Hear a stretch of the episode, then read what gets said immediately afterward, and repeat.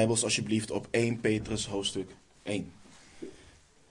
Zondags gaan we vers voor vers door, onze, door de eerste brief van de apostel Petrus. En vandaag gaan we verder in hoofdstuk 1. Mocht je geen Bijbel bij je hebben, we hebben leenbijbels beschikbaar, um, precies hier om de hoek. Um, laten we lezen vanaf vers 3, bidden en dan vervolgens het woord van de Heer ontleden. We lezen vanaf vers 3. Peter schrijft onder leiding van de Heilige Geest. Geprezen zij de God en Vader van onze Heer Jezus Christus, die ons overeenkomstig zijn grote barmhartigheid opnieuw geboren deed worden tot een levende hoop door de opstanding van Jezus Christus uit de doden, tot een onvergankelijke, onbevlekte en onverwelkbare erfenis die in de hemelen bewaard wordt voor u. Laten we bidden. Machtige Vader, geprezen zij uw naam. Heer, we lezen het, want we lezen wat voor een groot werk u hebt gedaan, Heer. We danken u voor uw woord. Ons iedere keer, Heer, laat zien wat de waarheid is.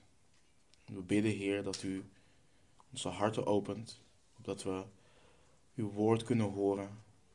Opdat we niet alleen hoorders van uw woord zijn, maar ook daders van uw woord zullen zijn. Wilt u spreken door uw woord, Heer. We houden van u, we danken u en bidden en vragen om uw genade. In Jezus' naam. Amen. Vorige week hebben we bij de eerste twee versen van dit hoofdstuk stilgestaan. En wat, wat was cruciaal voor de discipelen toen? En wat is cruciaal voor discipelen nu?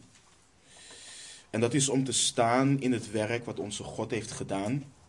En te wandelen in de identiteit die we hebben ontvangen door ons geloof in de Heer Jezus Christus. En alhoewel er tot hoofdstuk 2, vers 10 van deze brief al enige aansporingen zijn, belangrijke aansporingen ook, is Petrus nu voornamelijk bezig met het bevestigen en benadrukken van hun identiteit in Jezus Christus. Hij is aan het, hij is aan het, benadrukken dat wat, wat, wat de hoop is die zij, maar ook wij, vandaag als discipelen in de Heer Jezus Christus hebben. Want wat, wat hebben wij nodig? Wat hebben we nodig te midden van moeilijkheden? Hoop, zekerheid, bemoediging, aansporing, bevestiging. Dat is wat we nodig hebben. En er is er maar één die dat kan geven. Er is maar één in wie dat gevonden wordt. En dat is in de waarachtige en in de levende God. Dus vorige week begonnen we en zagen we dat Petrus zijn broeders en zusters enorm veel bemoediging en troost heeft geboden in de twee versen die we hebben gelezen. Alleen in de begroeting en in de zegen die hij hen toewenst, zien we al veel. Wat zagen we? Petrus herinnerde de heiligen namelijk dat zij uitverkoren waren door God de Vader. We hebben hierbij stilgestaan, gekozen, geselecteerd door God de Vader, uitgekozen overeenkomstig zijn voorkennis. Hij heeft ons gekozen omdat hij het wilde. Hij nam het initiatief.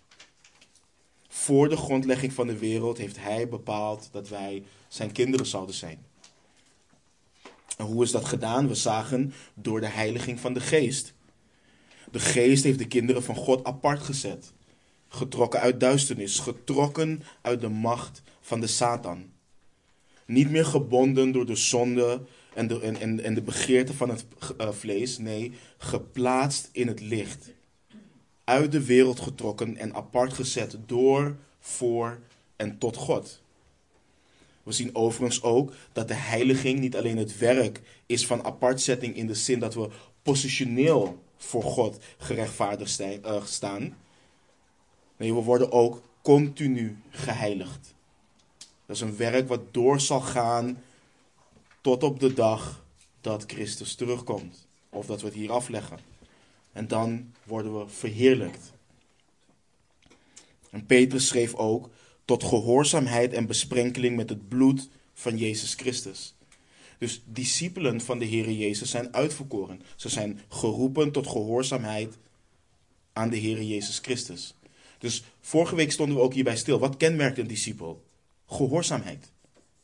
Gehoorzaamheid aan God kenmerkt een discipel van Jezus Christus. En we zijn ook besprenkeld met het bloed van de Heer Jezus Christus. En we stonden erbij stil dat Petrus het hier niet alleen heeft over de besprenkeling van het bloed bij onze bekering, maar Petrus spreekt ook van de besprenkeling in continue vorm.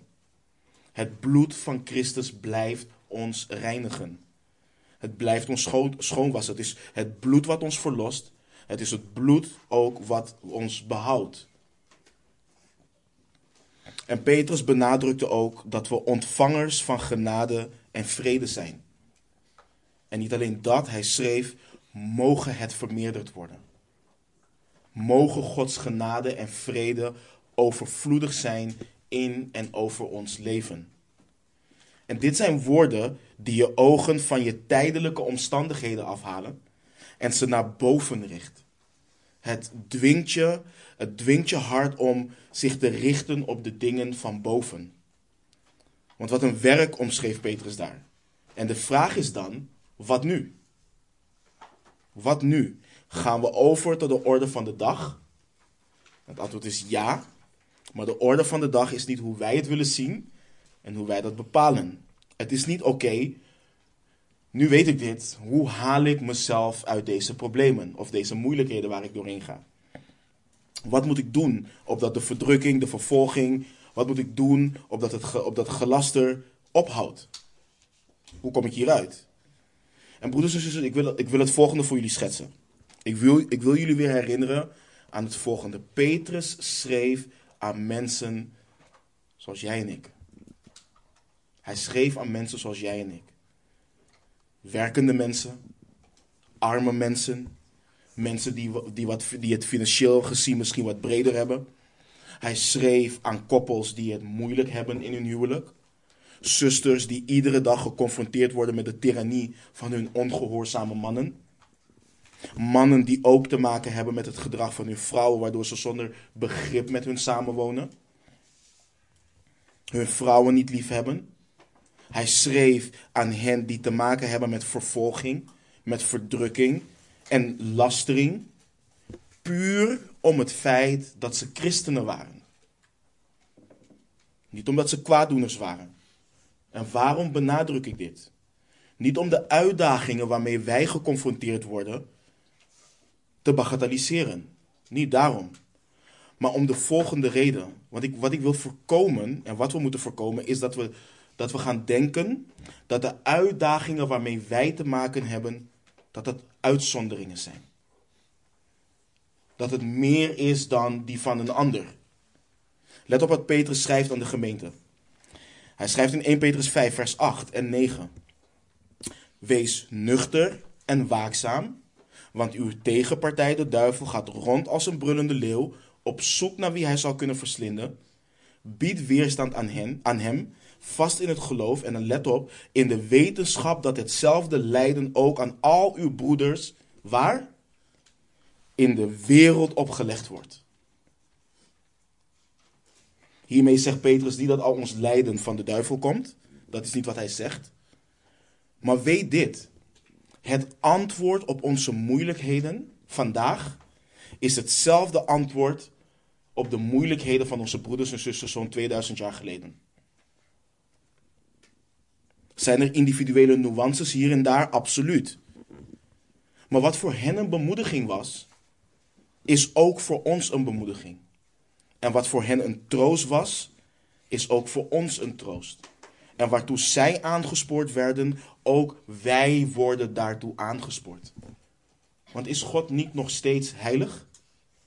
Moeten we dan ook niet heilig wandelen zoals Hij heilig is? Dat verandert niet.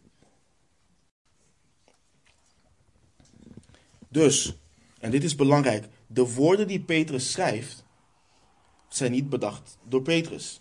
Door God zijn ze gegeven. En de alwijze en almachtige God weet wat zijn kinderen nodig hebben totdat hij terugkomt. Dus, wat is onder leiding van Gods geest de orde van de dag voor Petrus na zo'n introductie? Wat is de reactie van de apostel Petrus na het vertellen van Gods werk en hun identiteit wat daaruit voortvloeit? Een uitbarsting van lofprijzing. Dat is het. En in slechts twee versen die we vandaag behandelen, zien we vier redenen om God te prijzen. Laten we zeggen dat het één hoofdreden is en dat de rest, dus de overige drie, daaruit voortvloeien. Eén, Gods barmhartigheid. Gods grote barmhartigheid. Daar vloeit de rest uit voort, maar dat is één. Twee, onze wedergeboorte. God is zeer te prijzen voor onze wedergeboorte tot een levende hoop. Drie, onze God is te prijzen voor de opstanding van Jezus Christus, zijn Zoon, uit de doden. En vier, prijs God voor onze onvergankelijke, onbevlekte en onverwelkbare erfenis die in de hemelen bewaard wordt voor ons.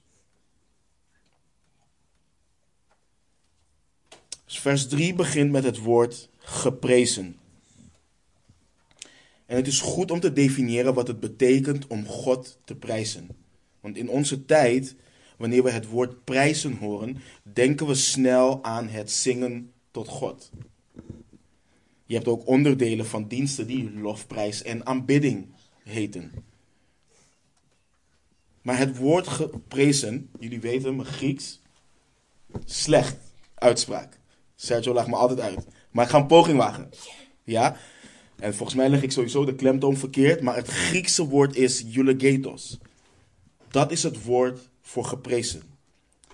En dit woord wordt in het Nieuwe Testament alleen gebruikt in relatie tot God. Let op Marcus 14, vers 61. Maar hij zweeg en antwoordde niets. Opnieuw stelde de hoge priester hem een vraag en zei tegen hem: Bent u de Christus, de zoon van de gezegende? Bent u de zoon van de gezegende? Lucas 1, vers 68. Geprezen zij de Heere, de God van Israël, want hij heeft naar zijn volk omgezien en er verlossing voor tot stand gebracht. Lucas 1, vers 68, volgende. Romeinen 1, vers 25. Zij hebben de waarheid van God vervangen door de leugen en het schepsel vereerd en gediend boven de schepper die te prijzen is tot in eeuwigheid. Amen. Voor de mensen die notities willen maken, zo heb je ook, ik heb ze niet op het scherm, Romeinen 9, vers 5. 2 Korinthe 1, vers 3. 2 Korinthe 11, vers 31. En Efeze 1, vers 3. Dus ik herhaal ze Romeinen 9, vers 5. 2 Korinthe 1, vers 3. 2 Korinthe 11, vers 31. En Efeze 1, vers 3. De definitie van, de, van dit woord is in de basis dat er goed gesproken wordt over God. Niet alleen met woorden, ook in daden. Want ook onze daden spreken. En niet zomaar, maar op basis van wie hij is. Daar gaat dit om. Er wordt goed over hem gesproken omdat hij het recht heeft, omdat hij het waard is. Dat is waar dit woord van spreekt. Hij is waardig. Het woord spreekt van het vieren van zijn goedheid, van het vieren van wie hij is. Het woord is zodanig opgemaakt in het Grieks dat de nadruk echt ligt op de aard van God die geëerd wordt. In dit geval, de nadruk van de lofprijzing ligt op de aard van wie God is, wie Hij is in het diepste van zijn wezen. Dus Petrus maakt duidelijk om wie God is. Niet alleen om wat Hij gedaan heeft, maar puur en alleen om wie Hij is is God zeer te prijzen en dient hij geprezen te worden. Dat is wat Petrus duidelijk maakt. En waarom is het zo belangrijk om dit te benadrukken? Puur om wie hij is. Omdat wanneer het puur en alleen gaat om wat hij doet, dan wil ik als gevallen mens continu zien en begrijpen wat hij doet, zodat ik hem continu kan blijven prijzen. Maar wanneer ik mij richt op wie hij is, dus zijn karakter, zijn hart, dan prijs ik hem ondanks wat er gaande is in mijn leven, omdat te midden van de diepste pijn, te midden van de donkerste dagen, te midden van alle wanhoop en onzekerheid, heb ik één ding wat zeker is. God is wie hij is. En daarom is hij zeer te prijzen. Alles om me heen kan veranderen. Maar hij verandert niet. Hij verandert nooit. En daarom is hij zeer te prijzen. Daarom dient hij geprezen te worden. En in het verlengde van vorige week is het goed en belangrijk om onze harten daarop te richten en daar verankerd in te zijn. Gevestigd te zijn in deze waarheid. En, en, en, en laat me het volgende benadrukken, of laat me het volgende gelijk bij jullie wegnemen. In onze kringen is het gebruikelijk om te zeggen: je kan en je mag niet uitroepen en vragen: God, waar bent u in dit alles? Het eerste wat je hoort, in kringen zoals die van ons, wie ben jij om God te vragen: waar bent u? Waar is je geloof? Weet je niet dat Hij God is en Hij soeverein is en jij slechts een schepsel bent? Maar dan moet je wat met Psalm 13. Psalm 13, vers 2 en 3. Hoe lang nog, heren? Zult u mij voor altijd vergeten? Hoe lang zult u uw aangezicht nog voor mij verbergen?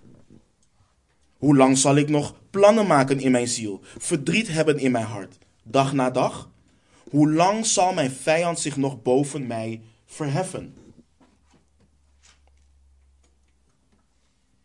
Zondigde David dit, zondigde David dit te schrijven? Nee. Want let op zijn hart. Let op zijn hart en dat zie je bijvoorbeeld in vers 6. Ik echter vertrouw op uw goede tierenheid. Mijn hart zal zich verheugen in uw heil. Ik zal voor de Heere zingen, omdat hij goed voor mij geweest is. Dus wat zie je? Ondanks waar David doorheen ging, wat vergat hij niet? De goede tierenheid van God. Hij vergat nooit dat God goed voor hem is geweest. Hij vergat ook niet dat het hel van God is. En dat is het verschil. Dat is het verschil tussen beleidende discipelen van het moment, van het ogenblik, en die nooit wortel hebben gekregen, nooit gegrond zijn geweest in wie God is in zijn karakter, en discipelen die door de moeilijkheden en de pijn niet vergeten wie Hij is en Hem te midden van die pijn alsnog kunnen prijzen. Want wij denken dat het vromer is om niet naar God uit te roepen, omdat we dan denken dat we Hem betwijfelen door te vragen: Heer, waar bent u? Maar let op wat David doet. En nu komt het belangrijke. Kijk, wanneer wij denken aan prijzen, denken we aan opgewekt op je tenen staan en schreeuwen: Geprezen zij de Heere God. En voordat je dat kan doen, dan moet je iedere traan die je hebt, moet je hebben weggeveegd. Alle pijn moet je uit je hart hebben gedreven. En je moet een glimlach van hier tot de andere kant van de wereld hebben, opdat je God echt kan prijzen. En hierin moet ons denken hernieuwd worden. Hierin moet ons denken hernieuwd worden. Ja, we loven God ook wanneer alles goed gaat. En dan is het opgewekt. En dan is het met immense blijdschap en meer. Maar God prijzen met hartsgesteldheid. Daar ligt het hem in. Let op Job. Ga alsjeblieft in je Bijbel naar Job 1. Job is alles. Alles, maar dan ook alles kwijtgeraakt. Vergeet zijn aardse rijkdom. Laten we vroom doen. Vergeet die aardse rijkdom. Daar kijken we niet naar. want het is toch materie. Dus laten we kijken naar zijn kinderen. Zijn kinderen zijn hem afgenomen. Nou, wat lezen we? Wat staat Job? Wat zegt Job? Job 1, vers 20 tot en met 22. Toen stond Job op en scheurde zijn bovenkleed, schoor zijn hoofd viel op de aarde en boog zich neer. En hij zei: Naakt ben ik uit de, uh, uit de buik van mijn moeder gekomen, en naakt zal ik daarheen terugkeren. De Heere heeft gegeven en de Heere heeft genomen. De naam van de Heere zij geloofd. In dit alles zondigde Job niet en, hij, en schreef hij God niets ongerijms toe. Let goed op wat er staat. Hij scheurde zijn bovenkleed. Hij schoor zijn hoofd. Hij viel op de grond, op de aarde en boog zich neer. Wat zie je bij Job? Dit is rouwen. Dit is ellende.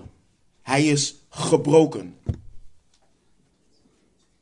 Maar te midden van zijn verdriet en pijn toont hij immens veel vertrouwen in de Heer en aanbidt hij God. Hij aanbidt God. Omdat God prijzen niet afhankelijk is van wat ons overkomt of van de goede dingen die God doet in ons leven. Wij prijzen God op basis van wie Hij is. Dat is wat we doen. En in onze tekst geeft Petrus ons een belangrijke reden waarom God zeer te prijzen is. En ik hoop dat we ooit een serie kunnen doen. Ik, ik, ik verlang er al tijd na. Dat we stil gaan staan bij de karaktereigenschappen van God. Maar vandaag staan we kort stil bij wat Petrus hier schrijft. Hij schrijft: Geprezen zij de God en Vader van onze Heer Jezus Christus, die ons overeenkomstig zijn grote barmhartigheid opnieuw geboren deed worden tot een levende hoop. Petrus heeft het hier over de grote barmhartigheid van God. De zaligmaking en de hoop die we hebben, legt Petrus uit, is overeenkomstig de grote barmhartigheid van God. En de woorden, die kennen we, hè? de woorden genade en barmhartigheid zijn bekende woorden voor ons. En alhoewel ze vaak door elkaar worden gehaald, zijn er belangrijke nuances. Barmhartigheid, barmhartigheid richt zich op hoe betreurenswaardig, hoe ellendig de staat was van de discipel voordat hij tot Christus kwam. Maar het legt dus ook daarin de nadruk op de compassie van God. Dus bijvoorbeeld genade. Genade benadrukt Gods gunst. Zijn onverdiende gunst in de vergeving van onze zonde terwijl we schuldig zijn. We verdienen het niet, maar ontvangen het vrijheid van God. En in barmhartigheid zie je liefde en compassie in het feit dat God ons niet geeft wat we verdienen. Hij onthoudt ons de straf die we verdienen en schenkt ons vergeving als onverdiende genade. Mijn goede, moeten we God hier niet voor prijzen?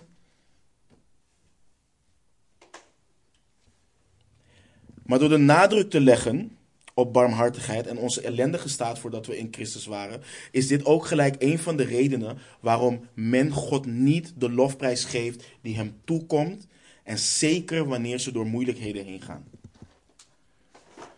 Hoe vaak vergeet men hoe beklagenswaardig hun staat was voordat zij tot Christus kwamen? En nu weten jullie dat wij hier in deze gemeente niet verlegen zijn om daarover te prediken. We doen dat. En dat is nooit om discipelen af te breken, maar juist om ons te richten op wat de apostel Petrus schrijft in deze tekst, wat hij zelf doet in deze tekst. Het is om ons te doen realiseren dat als we denken dat onze staat nu ellendig is, te midden van al die moeilijkheden waar we nu doorheen gaan, bedenk wat je was en wat je nu bent door de barmhartigheid van God. Bedenk hoe barmhartig God ons is geweest. En wat prachtig is wat betreft Gods barmhartigheid, is dat we dienen te beseffen dat dit zijn aard is. Dit is in zijn aard. Toen God ons barmhartigheid heeft bewezen, heeft hij dat niet met tegenzin gedaan. Wij, wanneer wij anderen barmhartigheid willen tonen of moeten tonen, dan dienen wij vaak ook nog de vleeselijke gedachten die erbij kunnen komen kijken te verlogenen. Nee, hij of zij verdient dit. En wij moeten onszelf dan uh, verlogenen. Nee, we dienen barmhartig te zijn. Maar dat is niet zo bij God. Hij is barmhartig. Dit is onderdeel van zijn natuur. En zijn barmhartigheid is nooit in conflict, het is nooit in gevecht met zijn rechtvaardigheid. Nooit. Want wanneer God barmhartigheid toont, dan doet hij dat in alle rechtvaardigheid. Niemand kan God ooit beschuldigen van ongerechtigheid, omdat hij een ellendige en verdorven zondaar barmhartigheid bewijst. Waarom niet? Want hij toont de zondaar die van, vandaag tot geloof gekomen is, barmhartigheid in en door de Heer Jezus Christus. Dus, komt er iemand en die zegt bijvoorbeeld tegen de Heere God: U kunt hem of haar helemaal geen barmhartigheid tonen. Want hij of zij dient te betalen voor de zonde. Hij dient te betalen, hij dient de straf te betalen voor de zonde. Dan wijst de ontvanger van barmhartigheid naar de hoge priester, naar de voorspraak, naar Jezus Christus de rechtvaardige en zegt: Er is al betaald. Het is volbracht. En in en door hem, door Jezus Christus, is de toorn die op mij was geweken. Dus God kan barmhartig zijn zonder zijn rechtvaardigheid te verliezen. Het is nooit in conflict met elkaar. Dus hij is barmhartig, broeders en zusters. En hij is daar zeer voor te loven en daar zeer voor te prijzen. En je ziet dit vooral in hoe ellendig je was. Het is belangrijk om te blijven herinneren dat we geen gemeenschap hadden met God. Dat we zijn heerlijkheid misten. We waren zonder enige hoop in deze wereld. En wanneer iemand dat tegen je zegt, terwijl je een wedergeboren discipel bent, ga dan niet denken aan je zelfvertrouwen. Ga dan niet denken aan je eigen waardigheid. Ga niet werelds en vleeselijk kijken en denken. Dit is de realiteit. Dit is hoe het is. Wedergeboren discipelen worden niet herinnerd aan wat hun ellendige staat was om hun schuldgevoelens aan te praten. Maar juist om ze te bemoedigen en te wijzen op de hoop waarin ze staan. En bedenk dat dit exact is wat de apostel Paulus doet wanneer hij de Efeziërs schrijft. We, citeren veel Efeze 2, vers 8 en 9. Want door genade bent u zalig geworden. Maar je kunt ze niet isoleren van de versen die daarvoor staan. Het is in het licht van de barmhartigheid waarin we die grote genade ook zien. Als je in je Bijbel naar Efeze 2 gaat, ik heb hem niet op het scherm, ik heb wel de verwijzing, dan lezen we een stuk daaruit en dan zie je hoe prachtig, hoe prachtig de apostel Paulus dit heeft geschreven. Efeze 2 vanaf vers 1 tot en met 9. Paulus schrijft onder leiding van de Heilige Geest. Ook u heeft hij met hem levend gemaakt. U die dood was door de overtredingen en de zonden, waarin u voorheen gewandeld hebt, overeenkomstig de leefwijze van deze wereld, overeenkomstig de wil van de aanvoerder van de macht in de lucht, van de geest die nu werkzaam is in de kinderen van de ongehoorzaamheid, onder wie ook wij allen voorheen verkeerden, in de begeerte van ons vlees, door de wil van het vlees en de gedachten te doen, en wij waren van nature kinderen des toorns, evenals de anderen. Even tot daar. Denk je dat deze discipelen zoiets hadden van, waarom herinner je ons hieraan? Nee, je moet ons vertellen over wat we nu zijn in de Heer Jezus Christus. Want de gedachten die wij vandaag de dag heel veel kennen, waarin er veel over je zelfvertrouwen wordt gesproken, waarin er veel wordt gesproken over hoe waardig je bent, die gedachte bestond niet in de eerste kerk. En daarom kunnen zij dit, deze eerste vier versen die we lezen, zij zien het niet alsof zij in elkaar geslagen worden. Zij zien het als bemoediging. Want wat daarna volgt. Maar God, die rijk is in barmhartigheid, heeft ons door zijn grote liefde waarmee hij ons lief gehad heeft, ook toen wij dood waren door de overtredingen, met Christus levend gemaakt.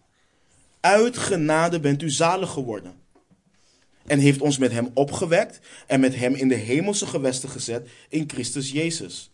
opdat hij in de komende eeuwen de alles overtreffende rijkdom van zijn genade zou bewijzen, door de goede tierenheid over ons in Christus Jezus. En dan, dan zie je die diamant.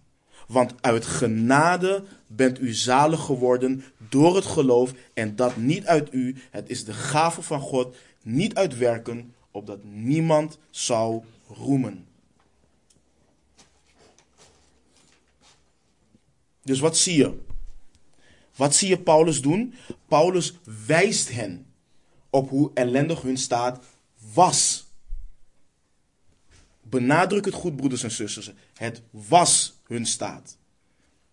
Dus de eerste drie versen, dat is niet meer wat de discipel is. Dat is wat ze waren. Maar dat is niet waar hij stopt. En dat is ook niet het doel van wat hij schrijft. Paulus wijst hun op wat hun staat was en benadrukt vervolgens de barmhartigheid en liefde van God. Dat is wat hij doet. En hij schrijft over hoe God, over God, dat hij rijk aan barmhartigheid is. Hij zegt dat God, dat God overvloedig is aan barmhartigheid. En het is zo overvloedig om al zijn kinderen volledig te voorzien van de nodige barmhartigheid.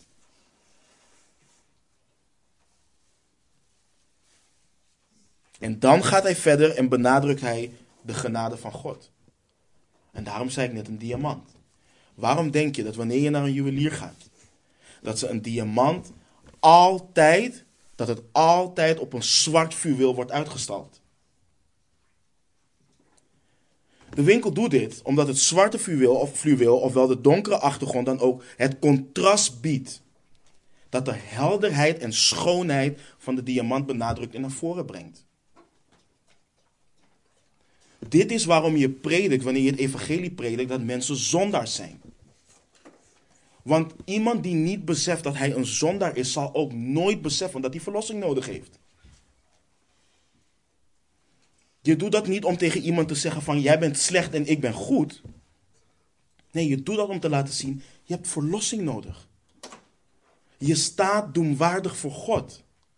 En hij zal oordelen op een dag. Maar let op hoe barmhartig hij is. Hij heeft zijn zoon gegeven opdat jij vergeving kan ontvangen. Dat is waarom we het evangelie prediken. En dat is waarom je het zo predikt. En dit is ook het concept dus wat je terugziet in de schrift. Let op bijvoorbeeld wat Paulus verderop doet in Efeze 2. Ook daar doet hij het weer. Wat zegt hij? Bedenk daarom dat u die voorheen heidenen was in het vlees en die onbesnedenen genoemd werd, door hen die genoemd worden besnijdenis in het vlees, die met de hand gebeurt, dat u in die tijd zonder Christus was. Vervreemd van het burgerschap van Israël en vreemdelingen wat betreft de verbonden van, van de belofte. U had geen hoop en was zonder God in de wereld. Dat was je staat. En wat zegt u? Maar nu in Christus Jezus bent u, die voorheen veraf was, door het bloed van Christus dichtbij gekomen.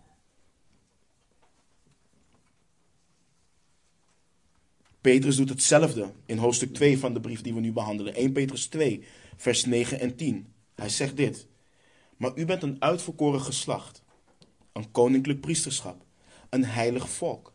Een volk dat God zich tot zijn eigendom maakte, opdat u de deugden zou verkondigen van hem die u uit de duisternis geroepen heeft tot zijn wonderbaar licht. Wat doet hij? U die voorheen geen volk was, maar nu Gods volk bent.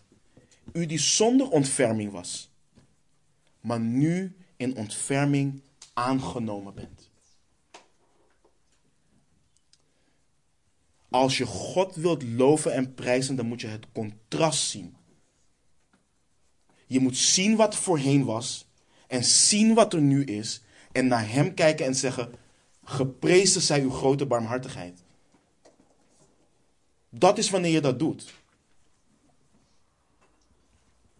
Dus geprezen zij de God en Vader van onze Heer Jezus Christus, die ons overeenkomstig zijn grote barmhartigheid opnieuw geboren deed worden tot een levende hoop. God is barmhartig en prijs hem daarvoor. En hij openbaart zich ook als zodanig. We hebben dit vers bijvoorbeeld in je Bijbel, naar Exodus 34, hebben we vorige week gelezen. Maar ik wil het weer lezen, het is belangrijk, want God openbaart zichzelf zo. Mozes heeft gevraagd om de heerlijkheid van God te zien. En dan zien we toen de Heere bij hem voorbij kwam, riep hij: Heere, Heere, God, barmhartig en genadig. Geduldig en rijk aan goede tierenheid en trouw. Die goede tierenheid blijft bewijzen aan duizenden die ongerechtigheid, overtreding en zonde vergeeft, maar die de schuldige zeker niet voor onschuldig houdt. En de ongerechtigheid van de vaders vergeldt aan de kinderen en kleinkinderen tot in het derde en vierde geslacht.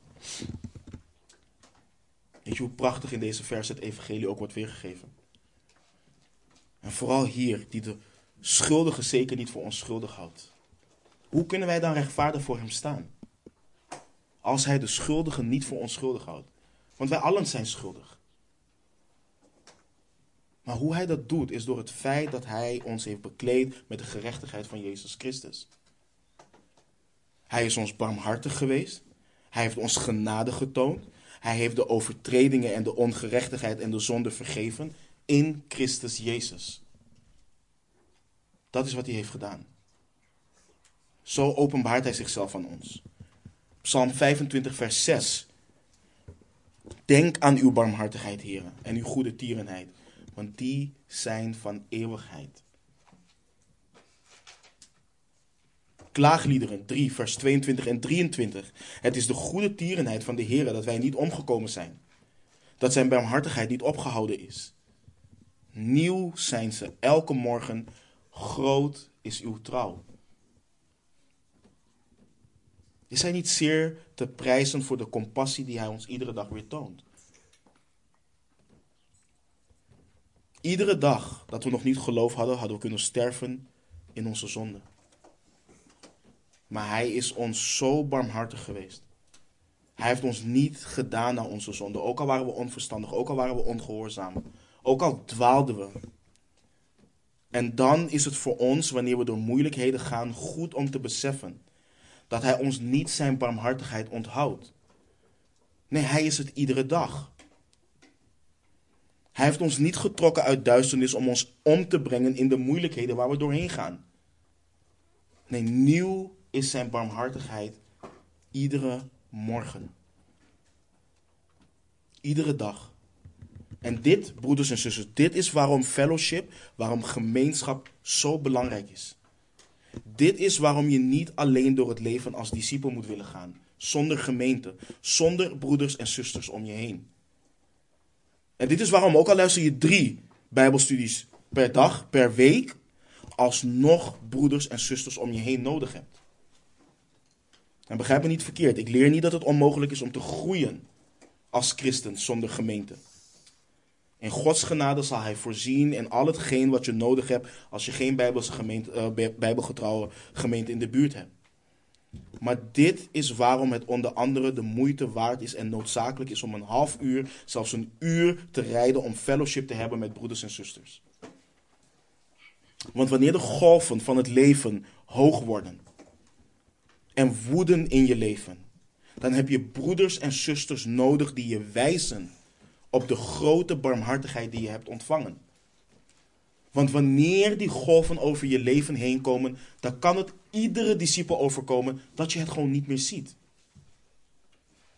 Je begrijpt gewoon niet meer wat je moet doen. En dan heb je broeders en zusters nodig. Die je wijzen, die je zeggen, die je helpen om te vechten tegen die leugenachtige gedachte dat God je wellicht verlaten heeft. Of dat dit je overkomt omdat je een zondaar bent. Je hebt het nodig dat, hij je, dat ze je blijven wijzen op de overvloedige barmhartigheid die God getoond heeft en die hij je iedere dag toont. Dus God is barmhartig. God, Gods barmhartigheid, schrijft Petrus, prijs zijn grote barmhartigheid. Hoe hoog en groot onze moeilijkheden, we dienen God te prijzen voor zijn grote barmhartigheid. Maar hoe weten we en waarin zien we dat hij barmhartig is geweest en dat overigens nog steeds is? Niet door de afwezigheden of door de afwezigheid van van die moeilijkheden. Door wat Petrus schrijft in hetzelfde vers, die ons overeenkomstig zijn grote barmhartigheid opnieuw geboren deed worden tot een levende hoop. Tot een levende hoop. Petrus schrijft dat God zeer te prijzen is omdat hij zijn barmhartigheid heeft getoond in onze zaligmaking. In het feit dat we opnieuw geboren zijn. Onze zaligmaking is niet alleen iets waar we op terugkijken en God daarvoor prijzen. Het is iets wat onze aanbidding hier, nu en vandaag ook beïnvloedt en hoort te drijven. En hetzelfde gevaar wat kan ontstaan in het niet beseffen hoe beklagenswaardig onze staat was, is ook hetzelfde gevaar in niet inzien hoe groot het werk is wat God verricht heeft. Ook dat kan ons weerhouden van God waarlijk te loven. Voor sommige mensen wordt het gewoon dat ze opnieuw geboren zijn. Geloof is iets bovennatuurlijks. Het is niet gewoon. Het is bovennatuurlijk. Het is geschonken door de almachtige en bovennatuurlijke God. Dus het feit dat je wandelt in nieuw leven, het kan nooit gewoon worden.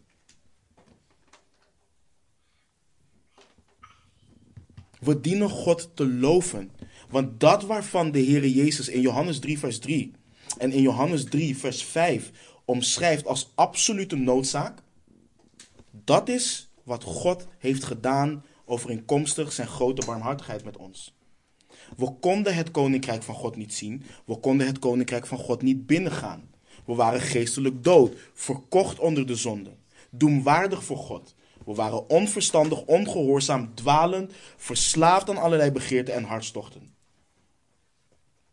Maar Gods liefde is aan ons verschenen, zijn goede tierenheid, en hij maakte ons zalig, schrijft Paulus in Titus 3. Niet op grond van de werken van rechtvaardigheid die wij gedaan hadden, maar vanwege wat? Vanwege zijn barmhartigheid door het bad van de wedergeboorte en de vernieuwing door de Heilige Geest. Hij heeft ons al onze overtredingen vergeven. Hij denkt er niet meer aan. We staan niet dood voor hem. We staan niet meer als onverstandigen voor hem.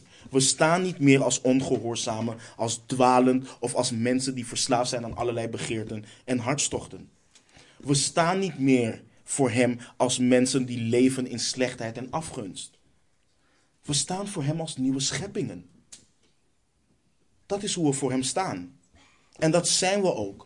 Nieuw gemaakt in en door het geloof in Jezus Christus bekleed met de gerechtigheid van zijn rechtvaardige zoon. Je bent niet meer die ellendige en verdorven zondaar. Je bent nu zijn kind. Je bent een kind van God. Als dat je geen blijdschap brengt, dan, dan weet ik het niet meer. Zondig je? Ja. Maar ben je een kind van de zonde? Nee. Je bent een kind van gerechtigheid nu. Je bent opnieuw geboren tot een levende hoop door zijn barmhartigheid. Hij heeft het gedaan.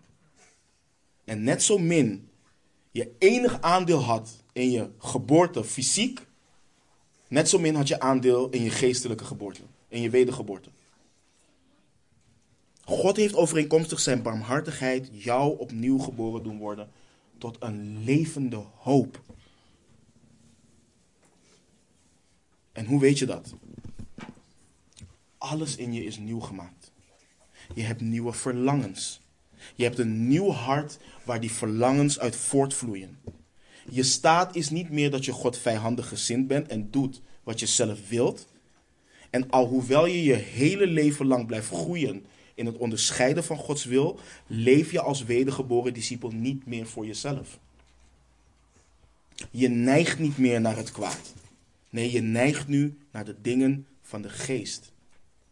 En dat is ook waarin je je in beijvert om te wandelen. In al je onvolmaaktheid, in al je worstelingen, maar je zet door, je volhardt. Niemand van de wereld doet dat, niemand van de wereld kan dat. Alleen de wedergeboren discipel wil en kan dit.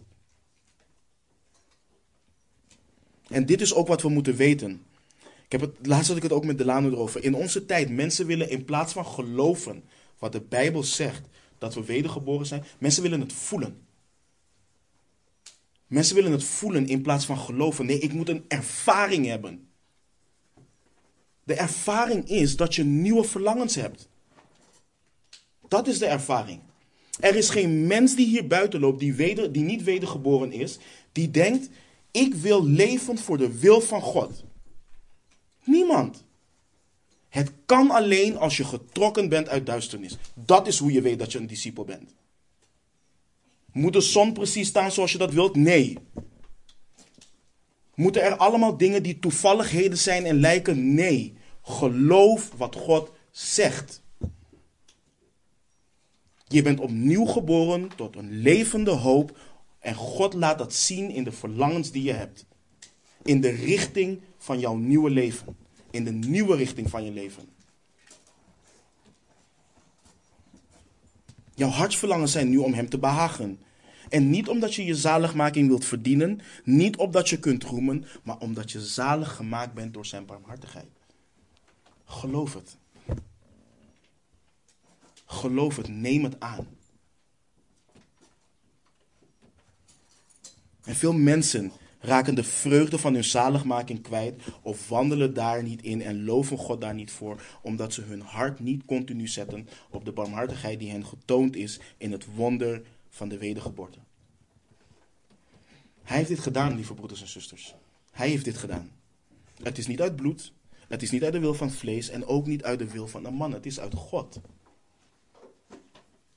Het is uit God. Hij heeft jou en mij, wij die Christus hebben aangenomen, de macht gegeven zijn kinderen te worden. Ik hoop dat we beseffen hoe groot dit is. Wat voor een groot werk dit is. Dat we Hem, die zo heilig is dat het ons verstand te boven gaat, onze Vader mogen noemen. En dat Hij onze Vader is. En wij hebben hem niet gemaakt tot onze vader, hij heeft ons gemaakt tot zijn kinderen.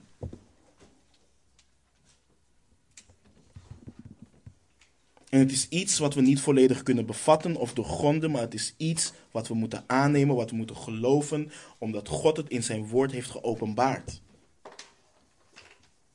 En omwille daarvan dienen we Hem te loven en te prijzen, Hem te aanbidden.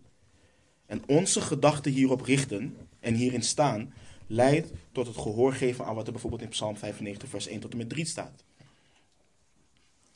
Als je hieraan denkt, stel je bent met een groep zoals wij hier zijn, en we hebben het over dit grote wonder. Laat het zo zijn dat God iemand beweegt en zegt: Kom, laten wij vrolijk zingen voor de Heer. Laten wij juichen voor de rots van ons heil. Laten wij zijn aangezicht tegemoet gaan met een loflied. Laten wij voor hem juichen met psalmen. Waarom? Want de Heer is een groot God. Ja, een groot koning boven alle goden. Dit is wat deze waarheid in ons teweeg moet brengen. Loof de grote God van onze redding. De grote God van ons heil. Wanneer dit gelooft te midden van moeilijkheden, Wanneer je hierop gewezen wordt en hieraan denkt, dan kom je naar waar Psalm 62 ons brengt. Let op Psalm 62, vers 2 en 3 eerst. Zeker, mijn ziel is stil voor God. Van Hem is mijn hel, van Hem is mijn redding. Zeker, Hij is mijn rots en mijn hel, mijn veilige vesting. Ik zal niet al te zeer wankelen. Nu verderop in vers 6 tot en met 9 van hetzelfde psalm. Zeker, mijn ziel, zwijg voor God, want van Hem is mijn verwachting. Zeker, Hij is mijn rots en mijn heil, mijn veilige vesting. Ik zal niet wankelen. In God is mijn heil en mijn eer, mijn sterke rots, mijn toevlucht is in God. Vertrouw op Hem wanneer? Te allen tijden. Volk, Stort uw hart uit voor zijn aangezicht. Of vers 12 en 13. God heeft één ding gesproken. Ik heb dit tweemaal gehoord, dat de kracht van God is. Ook de goede tierenheid is van u, heren. Want u zult een ieder vergelden naar zijn werk. Luister, laat de christen verdrietig zijn. Laat de christen rouwen. Laat de christen te midden van moeilijkheden uitroepen naar God. Maar laat de christen nooit bedroefd worden. En laat de christen nooit de vreugde, eh, door vreugde beroofd worden. En laat de christen nooit verbitterd zijn. Want de christen is overeenkomstig de grote barmhartigheid van God opnieuw geboren. Kan je verdrietig zijn? Ja. Kan je rouwen? Ja. Hoor je verbitterd te zijn? Nee. Je hebt nieuw leven. Dit is de realiteit. Dit is de realiteit. Ook al zul je fysiek wellicht gestorven zijn bij de komst van de Heer, zul je leven. Dat is je realiteit. De christen is opnieuw geboren tot een levende hoop. En daarom schrijft Salomo in Spreuken 10:28 terecht voor ons: de verwachting van de rechtvaardigen is blijdschap. Maar de hoop van de goddeloze zal vergaan. Onze hoop ligt niet in de vergankelijke dingen van deze wereld. Onze hoop ligt niet in de politiek, het ligt niet in materiële zaken, het ligt niet in zilver en goud. Onze hoop ligt in Hem die leeft en nooit meer zal sterven. En omdat Hij leeft, leven wij en zullen we leven. Wat schrijft Johannes in 1 Johannes 2, vers 17? En de wereld gaat voorbij met haar begeerte, maar wie de wil van God doet, blijft tot in eeuwigheid. Is geen tegeltjeswijsheid, dit is waarheid. We hebben niet alleen een levende hoop, maar zijn opnieuw geboren tot een levende hoop. Wij leven omwille van Christus en ons leven is daarom Christus en sterven is daarom winst. En omdat we opnieuw geboren zijn tot een levende hoop, zijn de woorden van Paulus in Colossense 3, vers 1 tot en met 4 belangrijk voor ons. Als u nu met Christus opgewekt bent, zoek dan de dingen die boven zijn, waar Christus is, die aan de rechterhand van God zit. Bedenk de dingen die boven zijn en niet die op de aarde zijn. Want u bent gestorven en uw leven is met Christus verborgen in God. Wanneer Christus geopenbaard zal worden, die ons leven is, dan zult ook u met hem geopenbaard worden in heerlijkheid. Onze oude ik is gestorven. De nieuwe mens, ons nieuwe leven is met Christus verborgen in God. Wat een hoop. Wat een hoop. En we hebben deze hoop door de opstanding van onze Heer Jezus Christus uit de doden. Daar is God zeer voor te loven en te prijzen. Peter schrijft: Geprezen zij de God en Vader van onze Heer Jezus Christus, die ons overeenkomstig zijn grote barmhartigheid opnieuw geboren deed worden tot een levende hoop door de opstanding van Jezus Christus uit de doden. Kijk, het is gebruikelijk noodzakelijk dat men de lijdensweg en de dood van onze Heer Jezus Christus aan het kruis predikt en benadrukt. Maar we mogen nooit vergeten dat wij geen dode zaligmaker dienen. Onze Heer leeft. Hij is opge opgewekt uit de doden. En die vraag dan in Lucas 24, vers 5 is zo treffend en zo mooi. Waarom zoekt u de levende bij de doden? Hij is hier niet, hij is opgewekt. Job omschrijft zo prachtig wat de realiteit is en waarom God zeer te prijzen is. Job 19, vers 25 tot en met 27. Let op wat hij zegt. En dit is ook wat wij weten, of horen te weten. Ik weet echter, mijn verlosser leeft. Mijn verlosser leeft. En hij zal ten laatste over het stof opstaan. En als zij na mijn huid dit doorknaagd hebben, zal ik uit mijn vlees God aanschouwen. Ik zal hem ik zelf zal hem aanschouwen. En mijn ogen zullen hem zien. Niet een vreemde, mijn nieren bezwijken van verlangen in mijn binnenste. Onze zaligmaker, onze verlosser leeft. Dat biedt hoop voor hen die door verdrukking heen gaan. Dat biedt hoop voor hen die geconfronteerd worden met moeilijkheden. Want door zijn opstanding, door zijn wederopstanding heb ik eeuwig leven. En doordat hij leeft, heb ik hoop en kan ik de lichte en korte verdrukking echt als licht en kort zien. Want mijn hoop is niet gericht op wat hier is, maar op wat hierna komt. En de opstanding geeft ons de volledige zekerheid. Bijbelse hoop van onze eigen overwinning over de dood in Christus Jezus. En de opstanding van Christus helpt ons om onze vervolging, verdrukking, laster, moeilijkheden in het juiste perspectief te plaatsen. Ik wil alsjeblieft dat jullie in jullie Bijbel naar 2 Korinthe 4 gaan. Ik wil een, een, een, stuk met jullie lezen. We hebben het vaker gelezen, maar Ivan heeft laten zien in zijn studie waarom herinnering en herhaling noodzakelijk is. 2 Korinthe 4 vanaf vers 7. Paulus verklaart hier waarom de opstanding ons perspectief op lijden verandert. Wat, zegt, wat schrijft Paulus?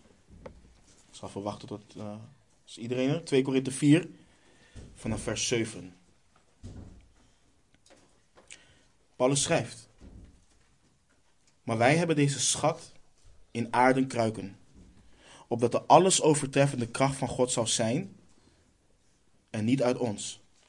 Wij worden in alles verdrukt, maar niet in het nauw gebracht. Wij zijn in twijfel, twijfel, maar niet vertwijfeld. Wij worden vervolgd, maar niet verlaten. Neergeworpen, maar niet te gronden gericht. Zien jullie het perspectief al? Oké. Wij dragen altijd het sterven van de Heer Jezus in het lichaam mee, opdat ook het leven van Jezus in ons lichaam openbaar wordt. Want wij die leven, worden voortdurend aan de dood overgegeven om Jezus wil, opdat ook het leven van Jezus openbaar wordt in ons sterfelijk vlees. Zo is dan de dood werkzaam in ons, maar het leven in u. Maar omdat wij dezelfde geest van het geloof hebben, overeenkomstig wat er geschreven, wat geschreven staat, ik heb geloofd, daarom heb ik gesproken. Geloven ook wij. En daarom spreken wij ook. Wij weten immers dat Hij die de Heere Jezus opgewekt heeft, ook ons door Jezus zal opwekken en samen met u voor zich zal stellen. Want dit alles gebeurt ter wille van u, opdat de genade die meer en meer is toegenomen, door de dankzegging van velen overvloedig wordt tot verheerlijking van God. Daarom verliezen wij de moed niet. Integendeel. Ook al vergaat onze uiterlijke mens, toch wordt de innerlijke mens van dag tot dag vernieuwd. Want onze lichte verdrukking, die van korte duur is, brengt in ons een alles overtreffend eeuwig gewicht van heerlijkheid teweeg. Wij houden onze ogen immers niet gericht op de dingen die men ziet, maar op de dingen die men niet ziet. Want de dingen die men ziet zijn tijdelijk, maar de dingen die men niet ziet zijn eeuwig. We gaan verder in hoofdstuk 5. Maar even hier. Alle moeilijkheden waar je doorheen gaat, dat zijn dingen die je ziet. Die dingen zijn tijdelijk. Paulus is niet naïef. Hij negeert niet wat de realiteit is. Maar hij ziet wat de waarheid is. En dat is dat deze dingen tijdelijk zijn en de dingen die we niet zien, die dingen zijn eeuwig. Dat is wat hij ons benadrukt. En dan gaan we verder in hoofdstuk 5. Onze hoop. Wij weten immers dat wanneer ons aardse huis, deze tent, afgebroken wordt, wij een gebouw van God hebben. Een huis niet met handen gemaakt, maar eeuwig in de hemelen. Want in deze tent zuchten wij ook. En verlangen wij er vurig naar met onze woning, nou, verlangen wij er vurig naar met onze woning die uit de hemel is, overkleed te worden. Als wij maar bekleed en niet naakt zullen bevonden worden. Want ook wij, die in deze tent zijn, zuchten, terwijl we het zwaar te verduren hebben. Wij willen immers niet ontkleed, maar overkleed worden, zodat het sterfelijke door het leven wordt verslonden. Hij nu, die ons hiervoor heeft gereed gemaakt, is God, die ons ook het onderpand van de geest gegeven heeft. En let op, let op vanaf vers 6. Wij hebben dus altijd goede moed en weten dat wij, zolang wij in het lichaam inwonen, uitwonend zijn van de Heer. Want wij wandelen door het geloof, niet door aanschouwen. Maar wij hebben goede moed en wij hebben er meer behagen in om uit het lichaam uit te wonen en bij de Heer in te wonen. Daarom stellen wij er ook een eer in. Het zij inwonend, het zij uitwonen, om Hem wel behagelijk te zijn. Want wij moeten allen voor de rechterstoel van Christus openbaar worden, opdat ieder vergelding ontvangt voor wat Hij door middel van zijn lichaam gedaan heeft. Het zij goed, het zij kwaad. Waarom hebben we deze hoop? En waarom kunnen we dus vanuit dit, dit perspectief kijken naar ons lijden? Wat dat lijden ook mag zijn. Door de opstanding van Christus uit de doden. De opstanding van Christus is niet simpelweg een historische gebeurtenis waarop we terugkijken. Het is niet alleen dat. Het beïnvloedt onze wandel in het heden, waar we ook doorheen gaan, en richt ons op onze toekomstige hoop. En daarom verzoek ik ons allen, waar je ook doorheen gaat, als je het niet meer ziet, laat jouw broeder of zuster, die op dat moment niet door dat lijden heen gaat, laat hem of haar je wijzen op deze dingen. Wees daar ontvankelijk voor. Schiet niet in de gedachte, ja, maar jij hebt makkelijk praten. Schiet niet in de gedachte met, ja, maar jij weet niet hoe, hoe dit is. Jij weet niet hoe dit is. Je staat niet in de verbinding met de realiteit. Jawel. Als er één iemand is die het op dat moment helder ziet, is het je broeder of je zuster. Die ziet het helder. De broeder of zuster die jouw pijn en moeite niet bagatelliseert, maar je helpt om het in het juiste perspectief te zien. En voor degene die bemoedigt, voor degene die aanspoort, doe dat in zachtmoedigheid. Doe dat niet alsof de pijn en moeite niet iets is wat echt ervaren wordt. Doe niet alsof het een zonde is om pijn en moeite te ervaren. Maar help, zoals ook Petrus helpt, om in wat voor staat dan ook je broeder of zuster te brengen tot het loven van de Heere God. Want lijden is geen excuus voor gebrek aan aanbidding. En Petrus schrijft in vers 4 tot een onvergankelijke, onbevlekte en onverwelkbare erfenis die in de hemelen bewaard wordt voor u. Het volgende dat Petrus zegt is dat de discipel in en door moeilijkheden God zou moeten loven vanwege zijn erfenis in de hemel. En hij omschrijft deze erfenis op drie manieren. Eén, hij noemt de erfenis een onvergankelijke erfenis. Dit spreekt van een erfenis wat niet vernietigd kan worden. Het kan niet bedorven raken. Het is niet vatbaar voor corruptie of verval. Het kan niet aangetast worden. Twee, hij noemt de erfenis vervolgens een onbevlekte erfenis. Het is onbezoedeld, onbesmet, het is vrij van verontreiniging.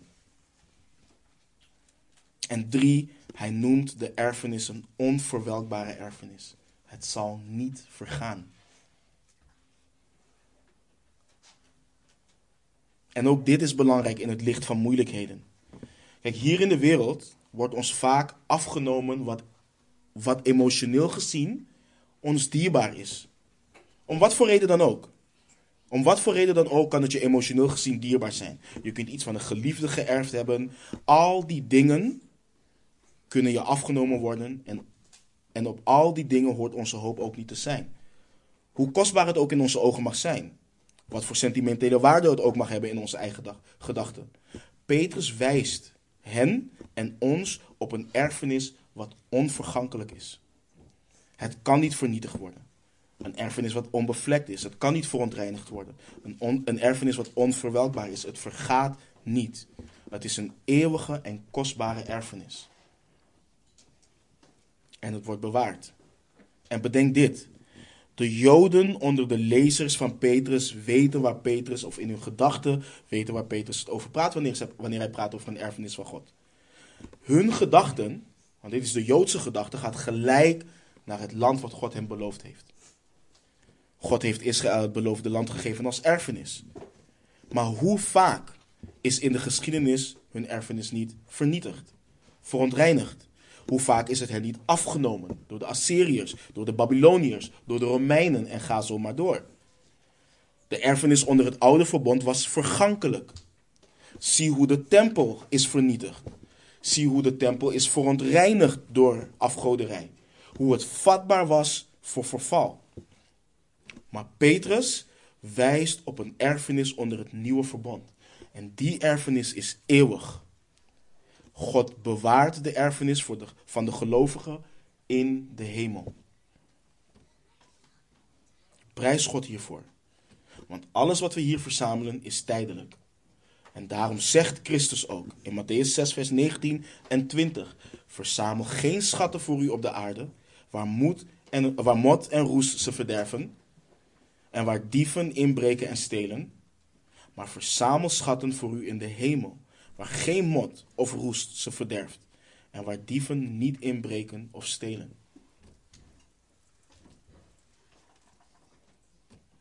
En laten we beginnen en realiseren met het feit dat boven alles de erfenis van de christen Christus is. Maar Petrus heeft het ook over alles wat we door en in Christus ontvangen. Paulus schrijft het als volgt, Romeinen 8, vers 17. En als wij kinderen zijn, dan zijn wij ook erfgenamen.